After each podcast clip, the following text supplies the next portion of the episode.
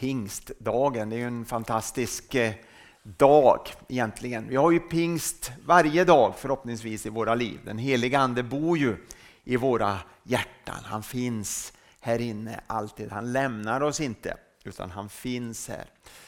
Eh, men det är något speciellt ändå de här högtidsdagarna då man på ett speciellt sätt får påminna sig om att eh, vad som händer. Jag tänker med påsken och vi har ju med julen och vi har det finns ju andra speciella helgdagar också naturligtvis, men i synnerhet de då, så pingsten naturligtvis, som är väldigt viktig.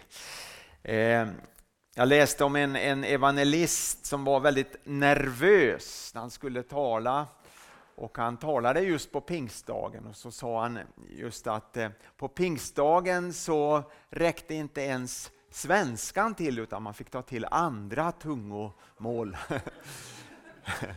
hade blivit lite, rör, rört till det lite där kanske. På tal om nervöst, det var ju, kanske ni har hört, det var en pastor också som, som fick uppdrag att predika. Det var en annan gästtalare som skulle komma och eh, han fick förhinder, som med väldigt kort varsel fick eh, den här pastorn hoppa in och så predika och så. Han var också väldigt nervös och sa han att eh, det, det, är inte jag som är här utan det är en annan. så kan det bli också. Ja. Ja, jag hoppas inte vi rör till det så mycket idag. Mm. Jag ska läsa från Efesierbrevet 5 och 18.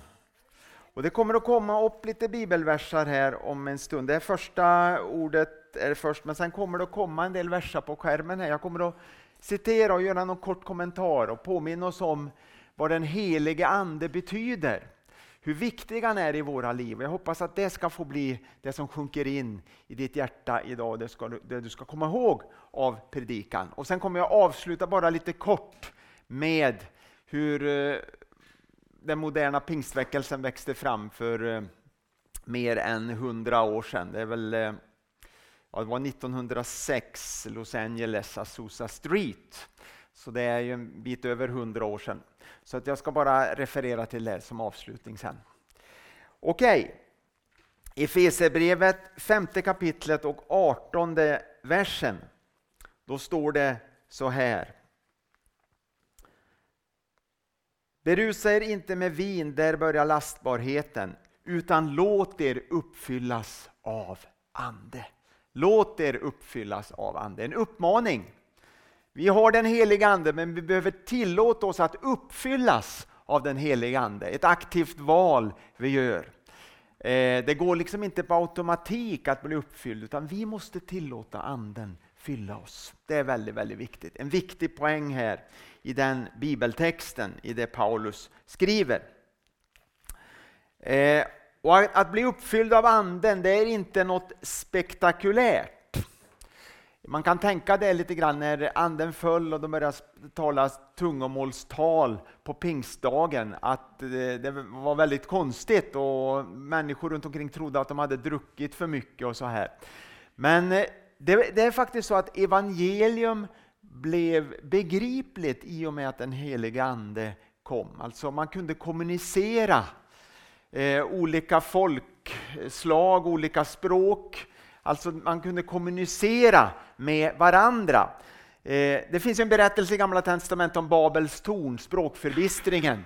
Pingsten är liksom Guds svar på det. Nu, nu kan vi kommunicera, nu kan vi förstå varandra. Evangeliet och den heliga Ande gör att evangeliet blir begripligt, inte konstigt eller märkligt. För så kan vi tänka ibland när vi tänker på den helige Ande. Pingst i, eh, på grekiska är pentakoste, det betyder den femtionde dagen. Det var alltså 50 dagar efter påsk. Och judarna de firar ju Shavuot som det heter då, 50 dagar efter påsk.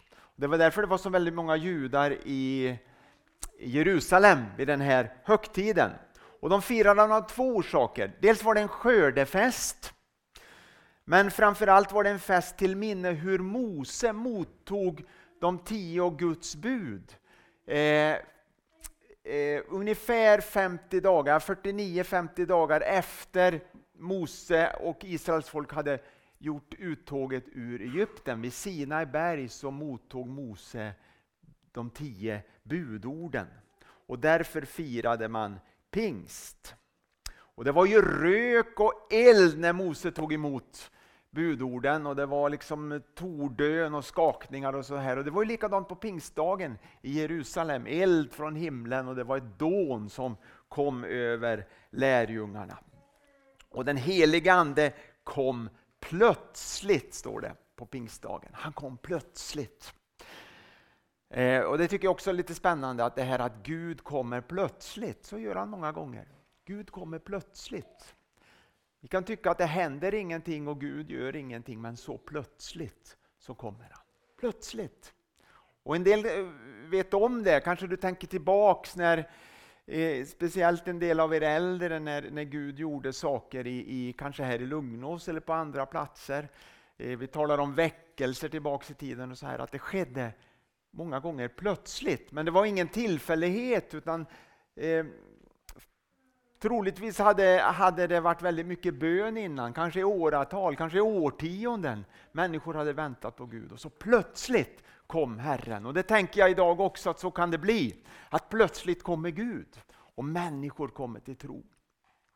Och det är det vi längtar efter. Eh, men det är spännande att veta att, att Gud han vill välsigna, han vill komma över oss. Den heliga Ande är Jesu ersättare på jorden kan man säga. Han kallas ju för hjälparen också. Han gör det möjligt för Jesus att fortsätta verka på jorden. Jesus lämnade ju den här världen och så lovade han lärjungarna att det skulle komma en hjälpare. Och han gör det möjligt för oss som Kristi kropp att fortsätta göra Jesu verk här på jorden. Den heliga Ande är liksom motorn i församlingen och så får vi vara Kristi kropp och så får vi fortsätta Jesu verk här i den här världen. Så är Jesus, han är huvudet på kroppen också. Och den helige Ande bor i oss, det sa vi inledningsvis och det vet vi att Bibeln säger och det har vi erfarenhet, han bor i oss. Han finns här inne, den helige Ande. I Gamla Testamentet så kom den helige Ande över människor vid vissa tillfällen. Det står om smörjelsen, det var över profeter, det var över kungen blev också smord och, och, och, prästerna blev smorda av den heliga Ande. Men det står att Anden kom över människor. Men det är annorlunda i Nya Testamentet för då bor den heliga Ande. Vi är tempel åt den heliga Ande. I Gamla Testamentet hade man en tempelbyggnad. Det har vi inte i Nya Testamentet. Kyrkan är inte liksom motsvarigheten där. Kyrkobyggnaden är inte motsvarigheten till tempelbyggnaden. Utan det är du och jag som är tempel åt den helige Ande, säger Bibeln. Hebreiska har ett ord för anden, ruach eller ruach säger man, och grekiskan pneumo. Det betyder luft i rörelse. Så verkar den anden, det är som luft i rörelse, en vindfläkt. Och Bibeln visar på att anden är osynlig, men vi känner igen honom och hans verkningar och det han gör, precis som Åke var inne på här inledningsvis också. Viktigt att komma ihåg också att anden är en person, den heliga anden är en person, det är inte bara en kraft. Det är viktigt, Jesus kallar honom för han. Han kallas också för sanningens ande. Det är väldigt viktigt också. Den heliga Ande är inte bara en kraft utan han är sanningens ande. Han ger inte bara känslor av glädje och, och lycka utan han kan också konfrontera oss och visa på vad som är sant och vad som är falskt i våra liv. Jesus säger också att han är en hjälpare. Han har kommit för att hjälpa oss och stötta oss. Jag ska komma in på det alldeles snart. Så vi är ett absolut beroendeförhållande till den heliga Ande. Vi klarar oss inte utan Anden som kristna. Man räknar med att det finns ungefär eh, 500 miljoner karismatiskt kristna i vår värld. Alltså karismatiskt kristna, det är de som praktiserar det här med den heliga Ande. Tror att den heliga Andes gåvor är för den här tiden och, och profetia och helande och tungomålstal och så vidare. Alltså finns ungefär en eh, halv miljard. Det är inte lite, det är mycket. Och vissa länder finns det väldigt många, en ganska stor procent som är karismatiskt kristna. Sverige är inte så mycket. Eh, ungefär 100 miljoner, kanske fler än 100 miljoner av de 500 tillhör klassiska eller mer traditionella pingstförsamlingar. Men det karismatiska är inte bara pingströrelsen utan det är ju alla kyrkor finns ju det. Och Det är det som är så fantastiskt. Och den är den snabbast växande rörelsen av, i kristenheten. Klart växt, snabbast växande rörelsen. Då ska vi komma till det jag vill, liksom huvudpoängen idag, den heliga Andes huvuduppgifter eller uppgifter. Och det är några viktiga exempel, det finns många fler vi skulle kunna ta. Och jag ska citera några bibelverser som kommer upp här. Johannes 16.8, det här är bara exempel, viktiga exempel. Men jag kan inte ta alla för då skulle vi kunna hålla på hela dagen här. Men det står att när anden kommer då ska han visa världen vad synd och rättfärdighet och dom är. Den helige ande är det som överbevisar människan om detta. Och Det är just vad som händer när det är sådana här vi kallar för väckelseskeenden. Du kanske också har erfarenhet av det, jag antar det eftersom eh, du bekänner dig som en kristen och tror på Jesus och öppnar ditt hjärta för honom. Att du har varit med om den här processen hur den heliga Ande visar dig att du behöver Jesus i ditt liv. Det är det den heliga Ande gör. Han verkar och talar till oss, han överbevisar oss.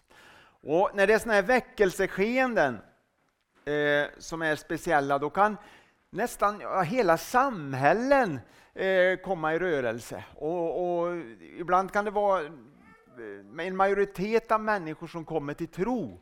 De kommer till kyrkan och så får de uppleva att eh, Gud talar till dem. Och Det behöver inte bara vara i kyrkan, det kan vara ju utanför också.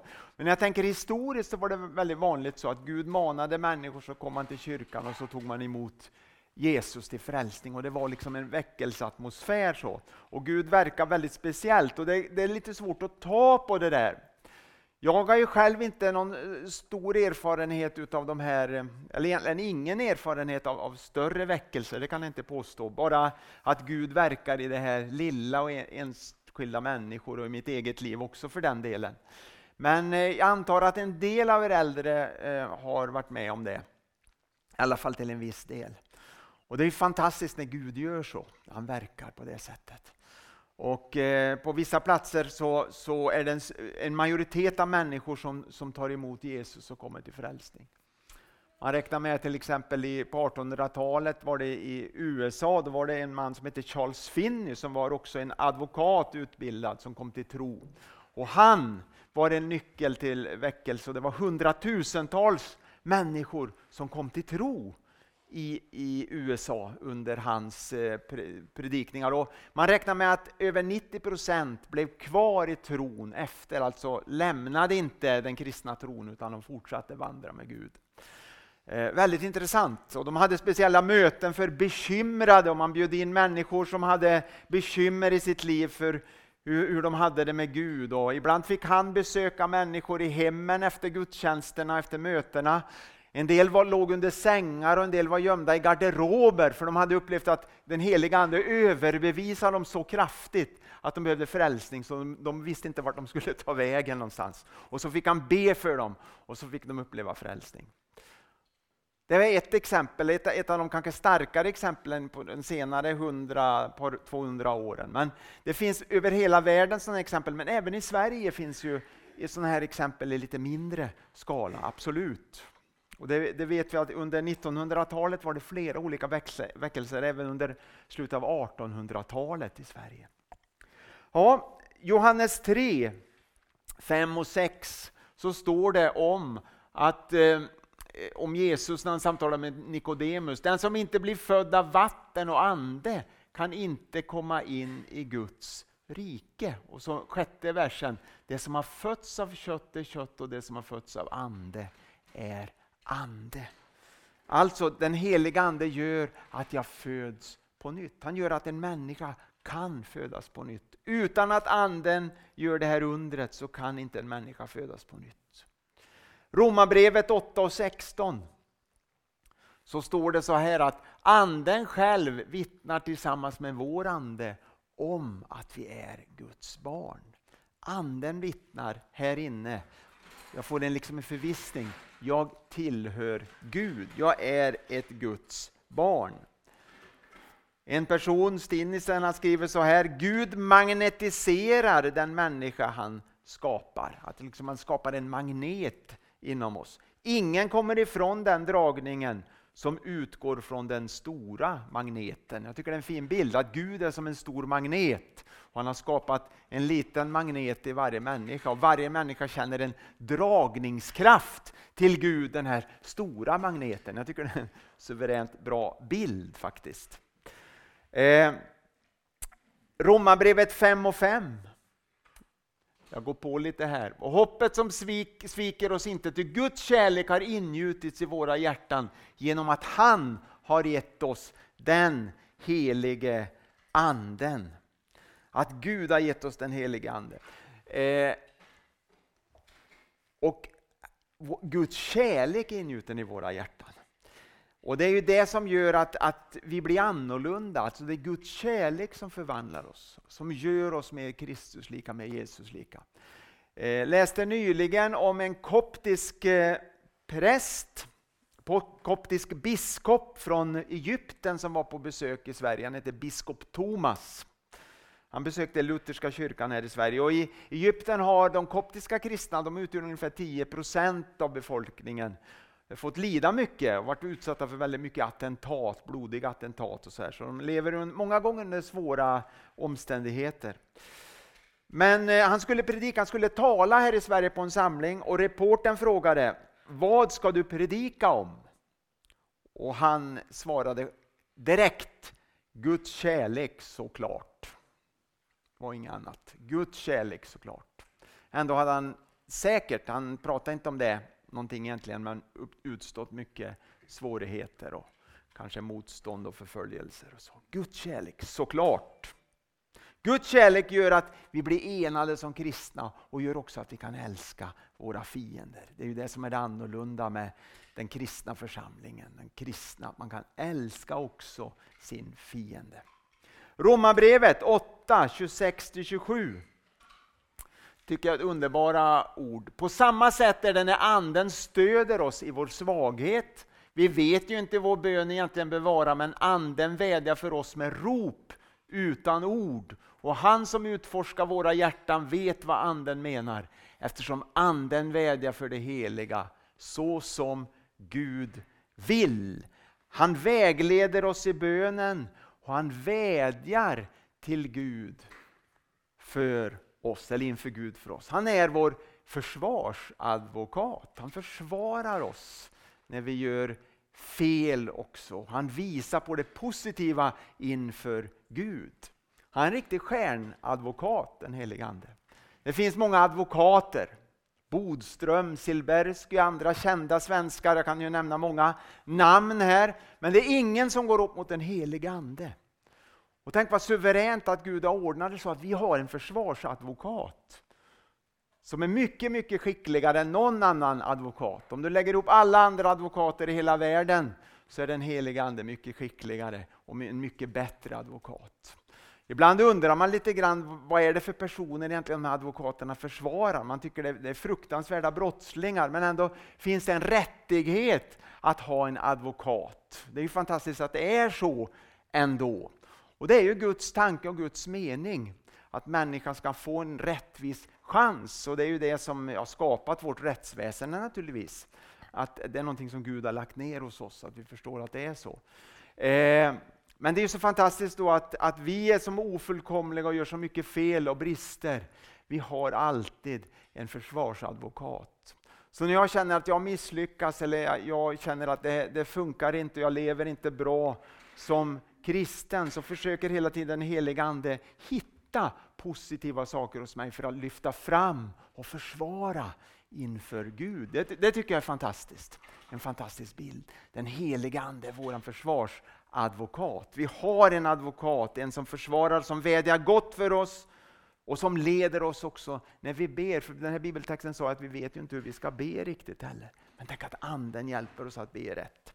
Apostlagärningarna 1 och 8 så står det om att vi ska få kraft när den heliga Ande kommer över er. Och ni ska vittna om mig i Jerusalem, hela Judeen och Samarien och ända till jordens yttersta gräns. Han ger oss kraft att vittna om Jesus. Det är också en viktig uppgift som den helige Ande har. Andra Korinthierbrevet 3.18 så står det så här, och alla vi som utan slöja för ansiktet skådar Herrens härlighet förvandlas till en och samma avbild. Vi förhärligas av den härlighet som kommer från Herren, Anden. Den heliga Ande förvandlar och förhärligar det kristna livet. Vi blir mer lika Jesus och andra människor runt omkring oss som inte är kristna får en lust och en längtan att lära känna Jesus på grund av den heliga Ande som bor i ditt och mitt liv. Det tycker jag är fantastiskt. Man kan, man kan också läsa om till exempel Andens frukt som, som finns i våra liv. Och glädje, kärlek, ödmjukhet, tålamod, mildhet. Allt det här fantastiska som den heliga Ande gör i våra liv. Så, så, så det finns en frukt, en god frukt som människor kan se och uppleva. Och det blir en Kristusdoft, där har vi det också från vad Åke sa där, att vi är Kristus, en Kristusdoft. Det är ju samma sak där också. Att, att människor känner liksom den här doften av Gud i oss. Det är den heliga Ande som gör det. Titus 3 och 5 så står det om att Anden också förnyar oss. Eh, han gjorde eh, ett bad, vi läser sista delen, och han gjorde det med ett bad som återföder och förnyar genom den helige Ande. Vi får leva i förnyelse, inte leva på det som en gång har hänt. Det kan vara viktigt att ha de här händelserna. Att det och det året, 1943, så fick jag uppleva Gud i mitt liv till frälsning och 1949 blev jag döpt och 1963 blev jag fylld av den heliga Ande och 1971 blev jag helad och så vidare. Allt det där är ju väldigt viktigt i våra liv att hålla fast. Men vi får inte leva i det gamla, det finns en risk på det. Utan vi måste leva i en ständig förnyelse. Och någon har sagt så här, och jag tror det stämmer, att den helige Ande vill att varje ögonblick i en människas liv ska vara nytt. Varje ögonblick i en människas liv ska vara nytt. Jag tror det stämmer. Eh, Johannes 16 och 14, jag har ett par bibelverser till. Johannes 16 och 14 så står det att han ska förhärliga mig, alltså Jesus. Ty av mig skall han ta emot det han låter er veta. Den heliga Ande lyfter alltid fram Jesus, förhärliga Jesus. Det är Jesus som blir stor när den heliga Ande verkar. Det är inte människor. Och Det är inte anden i sig själv utan det är alltid Jesus som han lyfter fram. Och Det är fantastiskt också. Och Han påminner oss också om vad Jesus har sagt i sitt ord och det är viktigt. Sen står det så här i 16 och 13 i Johannes, det är alltså versen före där, att han, men när han kommer sanningens ande skall han vägleda er med hela sanningen. Han ska inte tala för sig själv utan förkunna det han hör och låta er veta vad som kommer att ske. Han vägleder oss med hela sanningen. Livet blir spännande, det är aldrig tråkigt att leva med Gud. Det är aldrig tråkigt att vara kristen när den helige Ande får leda oss och verka fritt. Så är det. Apostlagärningarna 9.31 så står det att eh, Apostlagärningarna 9.31 Kyrkan fick nu vara i fred i hela Judeen och Galileen och Samarien. Den byggdes upp och levde i Guds fruktan och den växte genom den helige Andens tröst och stöd. Han tröstar oss och han stöder oss ständigt. Och eh, Sen står det så här i första Korinthierbrevet 12. Vi kan läsa 4 och 5. Nådegåvorna är olika men anden densamma. Så läser vi femte versen också. Tjänsterna är olika men Herren densamme. Gåvor, han tilldelar gåvor och tjänster. Det är anden som gör att eh, det här med profetian, han gör det möjligt att leva i profetia och profetera. Det är anden som gör det möjligt att vi kan be för sjuka. Den heliga ande som gör det möjligt med tungomålstal och med visdomens ord och kunskapens ord och att kunna skilja mellan andar och så vidare. Det är den heliga ande som gör det och också ger oss tjänster och uppdrag. Ett ord till, andra Korinthierbrevet 3 och 6 så står det så här. Ty han har gett mig förmågan att vara tjänare åt ett nytt förbund som inte är bokstav utan är ande. Till bokstaven dödar, men anden ger liv. Han gör också det här ordet levande så att vi förstår vad vi läser. Annars kan det bara vara en stängd bok för oss. Det kanske finns vissa saker som vi kan upptäcka som är bra, lite visdomsord och något ordspråk och lite Jesu undervisning som är bra. Så där. Men det blir ganska tungt att läsa Bibeln och man förstår inte riktigt. Men när den helige ande verkar så blir ordet levande. Det är inte bokstav utan det är liv och det ger förvandling och man blir liksom sugen att läsa Bibeln. Man blir hungrig, man känner att man behöver Guds ord för varje dag. Det är några av den heliga Andes uppgifter. Till sist bara en kort avslutning här. Azusa Street, det var en gata i Los Angeles. Och 1906 så frambröt det en andens våg på den här platsen. Och man brukar tala om att det är den moderna pingströrelsens framväxt. Eh, det här med eh, karismatik det har ju funnits genom hela historien till och från, men inte på det sättet som skedde i och med det som skedde där på Azusa Street. Väldigt speciellt. Den växte fram kan man säga ur helgelserörelsen och det var eh, en metodistpredikant, en färgad man, en fattig man han var blind på ett öga och halt, han hade fysiska krämpor och ingenting märkvärdigt för den här världen. Men han fick vara förgrundsfiguren, William Seymour, Seymour. Han fick vara förgrundsfiguren för den här väckelsen. Väldigt intressant. Och det var i väldigt enkla sammanhang.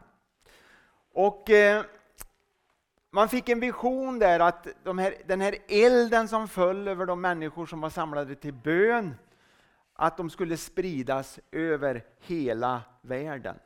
Man kan säga så att pingströrelsen, eller den karismatiska rörelsen, är till sitt väsen en missionerande rörelse. Vill att det ska spridas hela tiden, att mer människor ska få del av det här.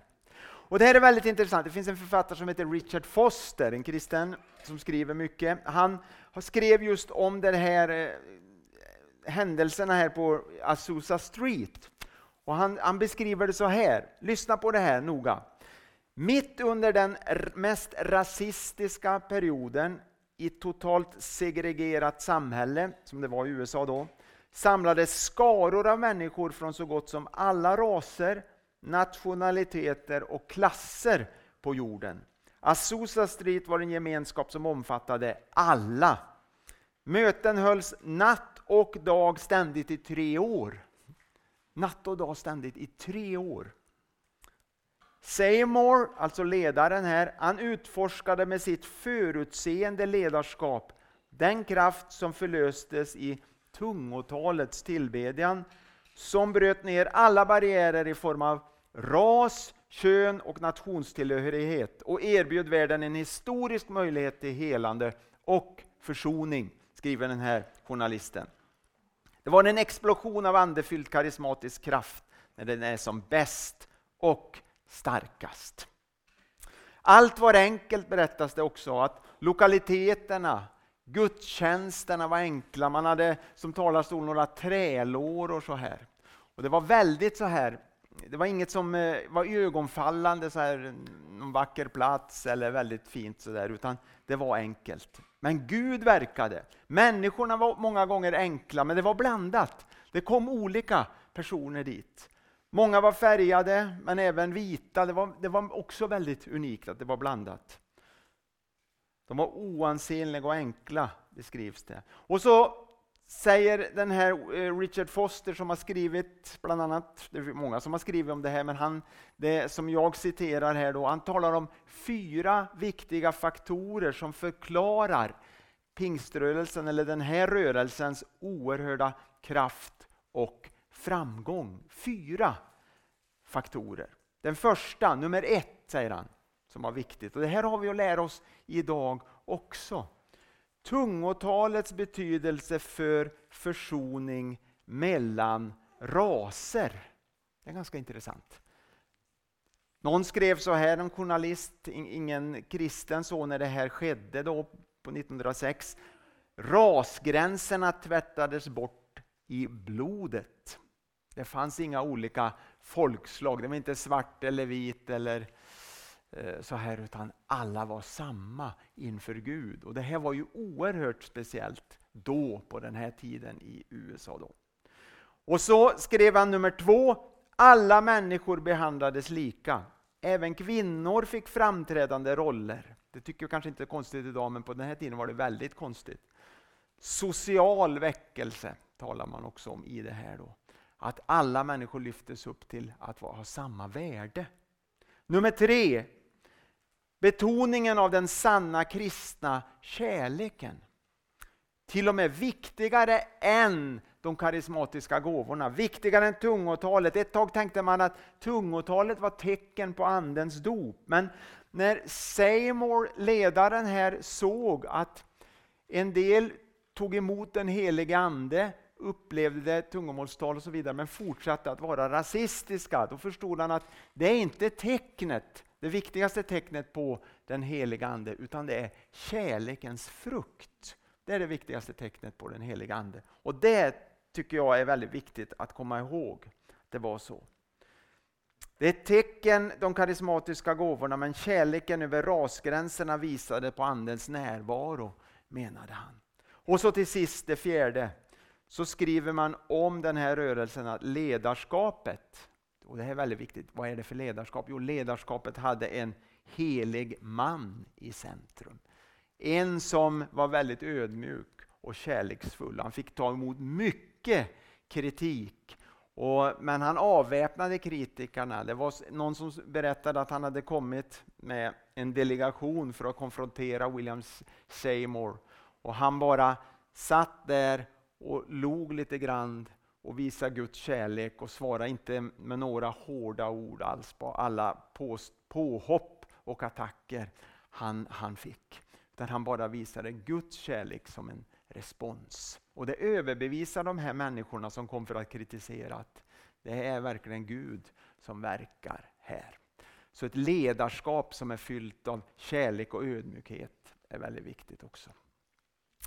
Det var lite grann om pingstväckelsen. Det gör oss stolta att vi är med i, i, i pingstväckelsen. Nu talar jag inte om pingstförsamlingen i första hand, utan jag talar om den karismatiska rörelsen och då innefattar det kanske alla samfund egentligen finns det pingstvänner som tror på den heliga Ande och bekänner sig till att Anden förnyar och ger liv och fyller oss med ödmjukhet och kärlek. Kraften är viktig, de karismatiska gåvorna är viktiga. Det är kännetecken på att Anden är i rörelse. Men sen är det också kärleken och ödmjukheten som är det allra viktigaste tecknet. Gud välsigne er. Herre, tack för din heliga Ande. Tack att vi får påminna oss om anden, vem, vem, vem den heliga Ande är och alla hans uppgifter, Herre. Herre, hjälp oss Gud att leva ett liv öppet för den heliga Ande, öppet för Andens ledning, öppet för Andens kraft, men framförallt öppet för Andens kärlek. Herre, hjälp oss att ta emot det du vill ge oss i gåvor, i, i, i nådegåvor, Herre. Hjälp oss att vara öppna för det och tillåta att du fyller oss med, med detta, Herre. Vi ber om det, Gud. Tack för Andens frukt i våra liv, Herre. Tack att frukten får ge en god doft, en Kristusdoft när vi går fram, Herre. Att människor ska få känna och uppleva att de vill smaka mer av detta. Vi ber om det, Gud. Tack att du verkar. Tack att du verkar här i församlingen i lugn Lugnås, Herre. Tack att du verkar bland alla kristna, allt ditt folk, Herre oavsett samfunds etikett eller vad man, vad man bekänner sig till så Herre, så finns du överallt Herre. Du vill fylla en människa som är öppen för dig Herre. Du vill komma i sammanhang där människor söker dig Herre. Vi tackar dig för det Gud. Tack att du vill välsigna oss. I Jesu namn. Amen. Amen.